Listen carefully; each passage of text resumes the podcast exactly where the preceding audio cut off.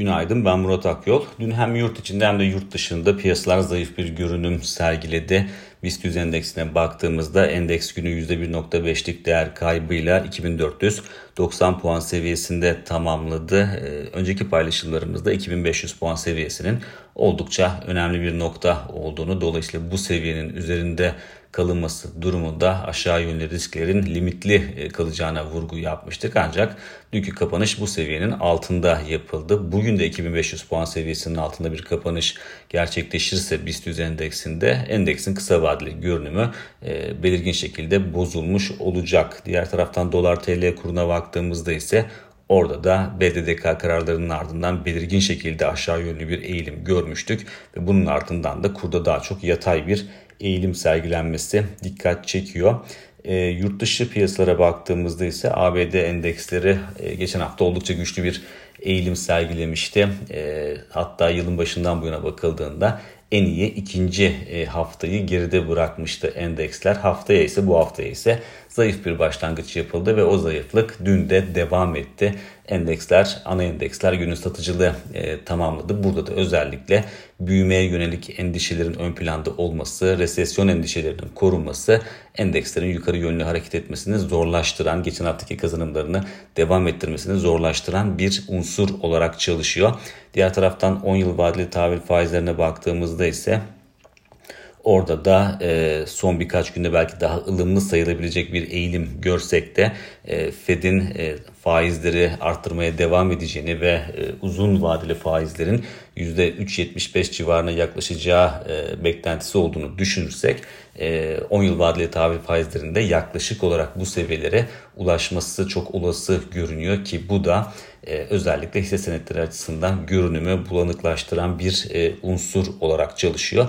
Özetle e, büyüme endişeleri korundukça FED faiz arttırımlarına devam ettikçe ki FED de zaten faiz arttırımlarının devam edeceğini çok net bir şekilde güçlü şekilde devam edeceğini faiz arttırımlarının net şekilde vurguluyor. Bu da piyasalarda e, volatilitenin devam etmesine neden olacaktır muhtemelen. Zaman zaman güçlü değer kazanımları görebiliriz. E, geçtiğimiz hafta gördüğümüz gibi. Ancak e, bu şimdilik büyüme endişeleri devam ettikçe e, küçük çaplı ralliler olarak e, kalacak gibi görünüyor.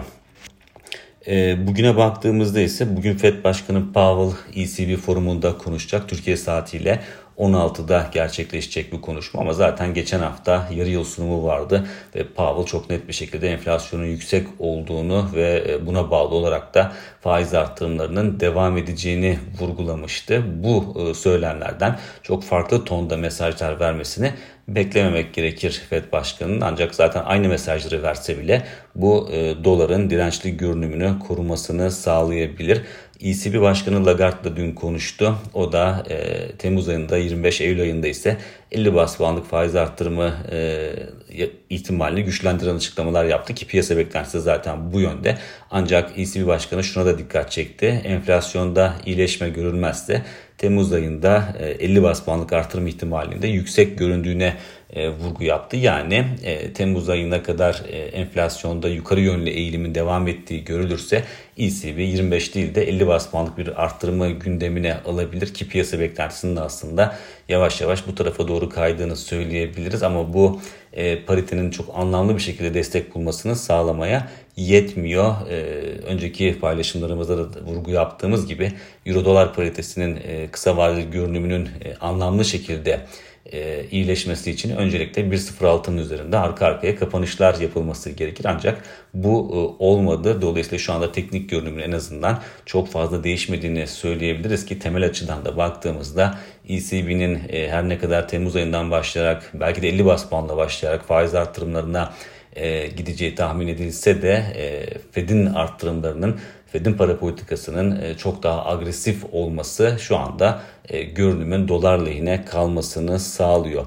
E, diğer taraftan faiz artırımları merkez bankları tarafından enflasyonu kontrol altına almak için yapılmaya devam ederken değerli metaller açısından baktığımızda ise orada şu anda görünümün çok pozitif olmadığını rahatlıkla söyleyebiliriz ki zaten çok uzun zamandır da bu görüşümüzü koruyoruz. Özellikle ee, Ukrayna'daki savaş e, altın fiyatlarının biraz daha belki güçlü kalmasını sağladı. O savaşta olmasaydı belki şu anda altın fiyatları ya da değerli metal fiyatları çok daha düşük seviyelerde olabilirdi. E, makroekonomik veri tarafına baktığımızda ise bugün e, Amerika'da gayri safi yurt içi hasılar rakamı açıklanacak.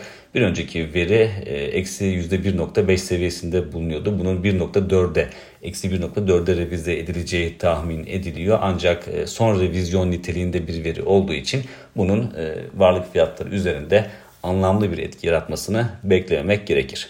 Bir sonraki podcast'te görüşmek üzere.